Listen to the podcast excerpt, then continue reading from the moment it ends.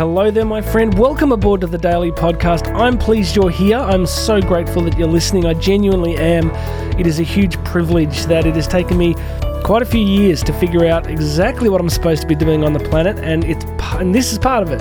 This is the thing that gets me up in the morning. That I am dedicated to three words: liberating people's potential. And guess what? You're a people.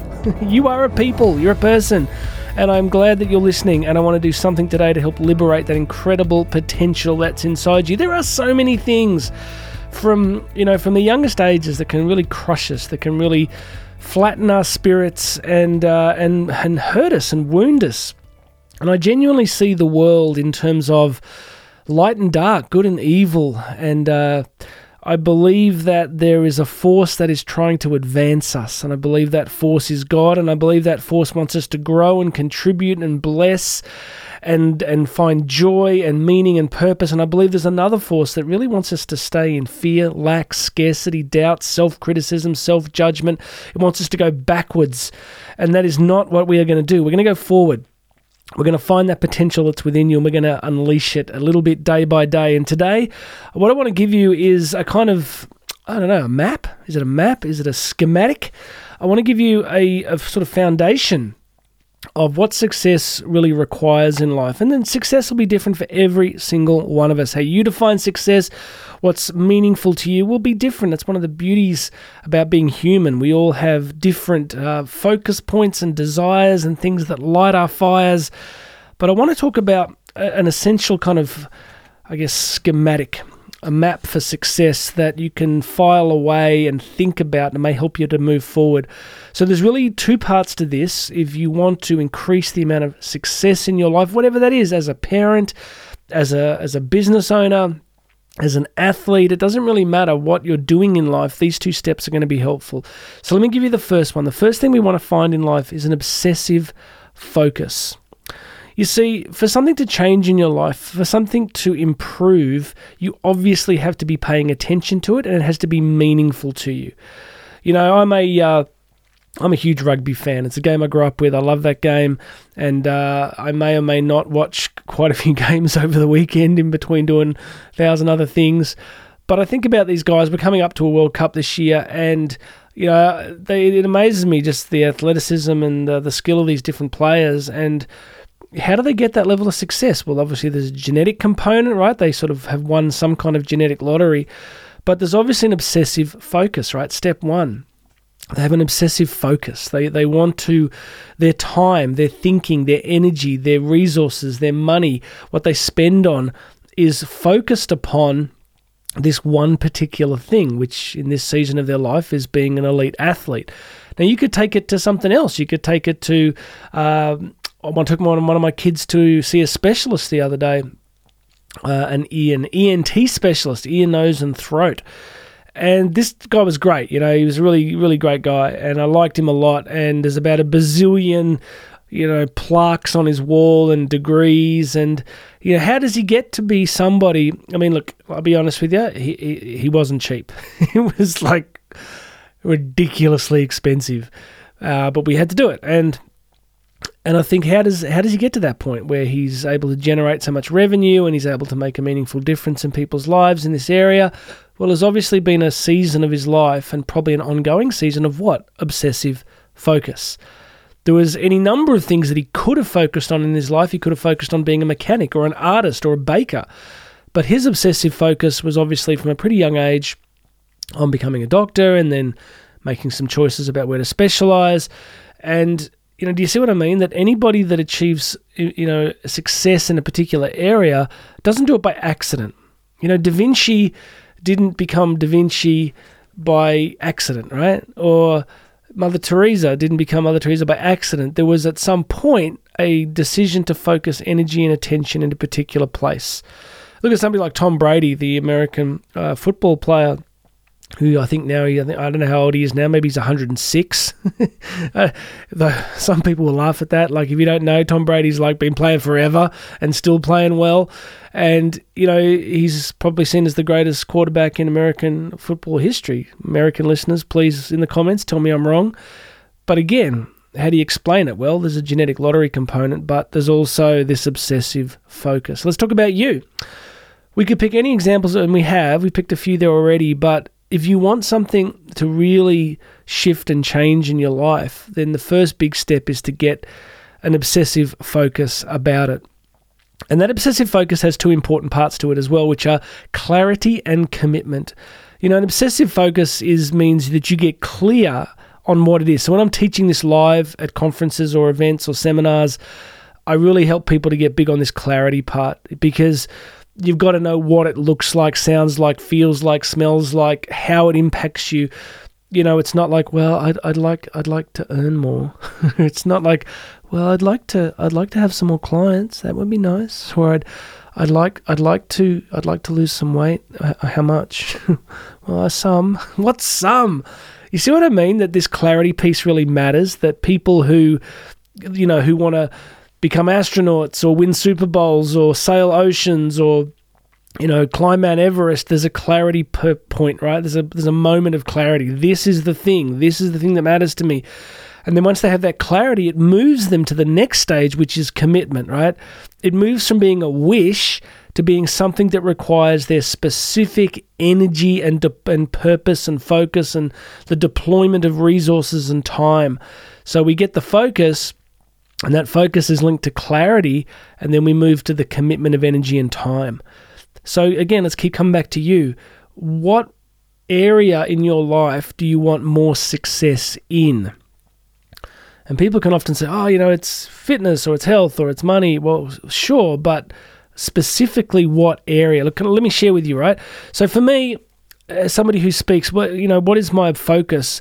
It's three words: liberate people's potential. I've got this relentless focus. I was talking to a priest about it the other day. I catch up with once, uh, once every couple of weeks, and I was just sort of saying to him, that's what drives me. You know, on stage in these podcasts is there's the thing in me that I want to reach through the microphone and convince you that there is this potential dormant in you, and it's just I want to see it in the world. I want to see it come out and and make a difference and make your life better and make other people's life better. I have this obsessive focus about it. And if you meet me somewhere in an airport lounge or at an event, I'm going to be really interested in that part of you. Like if we start talking, you know, we'll talk a little bit about the weather maybe, but then it's going to be, hey, so what are you doing? What brings you here? What what, what are you into? What are, how's that going for you? So I've got this obsessive focus and and I've got clarity around it and then I commit energy and time to it. And so my focus is to get better and better at this, reach more and more people and to keep doing it every single day. All right, so that's the first part, okay? So obsessive focus, I want you to think about clarity and I want you to think about commitment. It's not enough to have a wish. You see, you can have a focus and it's it's a wish. It's like you can say, yeah, I really want to get fit and healthy. I really want to get, you know, be able to run a half marathon or a 10K or lose 10 kilos or 20 pounds, whatever it is. But if you don't eventually have commitment, if you don't eventually deploy resources, time, energy, and learning, you have a wish. And wishes are nice, I mean, we make them at birthdays all the time, right? Every every year. But wishes are not going to change your life. Clarity and commitment will change your life. Specifically, the commitment part. You know, for me, the number of times, you know, the the amount of exercise and training I do, which I love, right? It's a real joy for me. But where I live, it's winter at the moment, and it's you know this week it's kind of minus six to minus eight some mornings, and there are times when I genuinely stand in my garage trying to get dressed to go cycling at 5 a.m. and it's minus six. And I'm like, there is a number of things I'd rather be doing right now, right? And all of them involve some kind of heating device. But I have the commitment to it because I'm clear on what matters and, and what is significant for me. All right, it's enough on that. So the first part's obsessive focus. The second part is simply massive action which links to the commitment part, right? So, what commitment is like a movement of the heart and the spirit. I'm going to commit to this, but then we must take action to break beyond. You know, it's like a rocket taking off, pushing out into the atmosphere. That what's required, the fuel of success is action. That we have to take action in the world. So that means doing things, doing stuff, trying stuff. And we want to get a link to that is what we call effective execution. So Effective execution means that we want to start taking action and then we get feedback from our action, which leads to the action being effective. So, look, let's take a stupid example. Let's say you want to lose 10 kilos, 20 pounds, and you decide to take massive action, and your massive action is to eat three pizzas a day. That would not be what we call effective execution. You've definitely taken action, but you've taken action in exactly the wrong direction.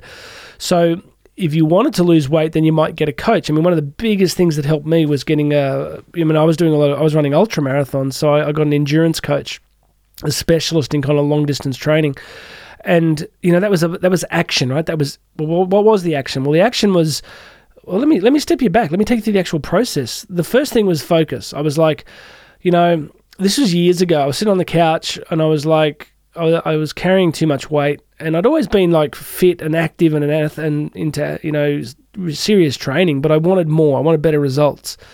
So my first step was the focus. I got focused on it I got clarity around kind of what I wanted to, where I wanted to get to. And then I took action, which was step one, internet research. Step two, I found a coach that I liked the look of. Step three, I reached out and contacted them. Step four, I committed the money and time and resources to paying them, to getting understanding the program, and then doing the program. And I got crazy results. Like I, I, I like in the end, I lost too much weight because and I started to get cold all the time. I couldn't regulate my body temperature. I'm not telling you to do that. I'm just saying that you know I probably went too far, but you see the, the the the key points here was clarity and then massive action, and the action was what we call effective execution. Was I looked at the results? How do you know if you've got effective execution? Well, you get results. So if your goal is to lose weight and you're putting weight on, then even if you're taking massive action, then you don't have effective execution because you're not moving in the direction you want. So that's the feedback loop for effective execution. Am I moving forward? Am I advancing towards this clarity, this purpose that I had delineated previously? Okay, so let's wrap this up. If you want some real success in your life, then you just need to focus clearly on what it is. And this is why I journal a lot. Sometimes journaling just helps you to map it out. You get clarity, then you commit to it, then you take action. Action's where the real magic is. It's funny the number of times in life where I've just gone, right, pull the trigger, get it done, do this, do that, do that. And with action, you often won't know at the time. Often we, we get, you know, we think we should know exactly what we're supposed to do at all times, and we don't. We just don't. But we have to take the steps. All right. So that's my encouragement for you today. I want more success for you. I want your life to improve. I want it to be better. And you can apply this formula to anything. If you've got a difficult relationship in your family, say you're having trouble with one of your kids or in your marriage or something, you want to fix a marriage, what do you do? Well, you know, I'm not offering marriage therapy, but I'm just saying, unless it's something absolutely massive like betrayal or some crazy stuff like that, what do you do if you want to improve a marriage? Well, you get focus, right? You get obsessive focus. You wake up one day and you go, This is ridiculous. This is not who we wanted to be. This is not what we wanted for our relationship. You get focused on it. You get clarity. Say, Right, what kind of relationship do we want? What should it look like? I know it's not there right now, but what do we want for this relationship? Then you go, Right, this is what I want. It's going to be hard. It's going to be challenging, but I'm going to commit to it. And then you take massive action. What sort of action? Well, you could read books. You could do online webinars. You could listen to podcasts. You could, you know, start seeing a, a counselor. You could do any number of things, but nothing happens until you're focused, clear, and committed. Okay, apply that lens to just about everything, and you're going to be just fine. Whew, that was cool. I enjoyed that. I hope it's helpful. Please make sure you've subscribed. Hit that subscribe button. Let me know what you think. And um, there's other links there. You can book me live to come and speak at your conference or event. But that's it for today, my friend. God bless you. Go and get that potential moving. My name's Jonathan Doyle. This has been the Daily Podcast, and you and I are going to talk again tomorrow.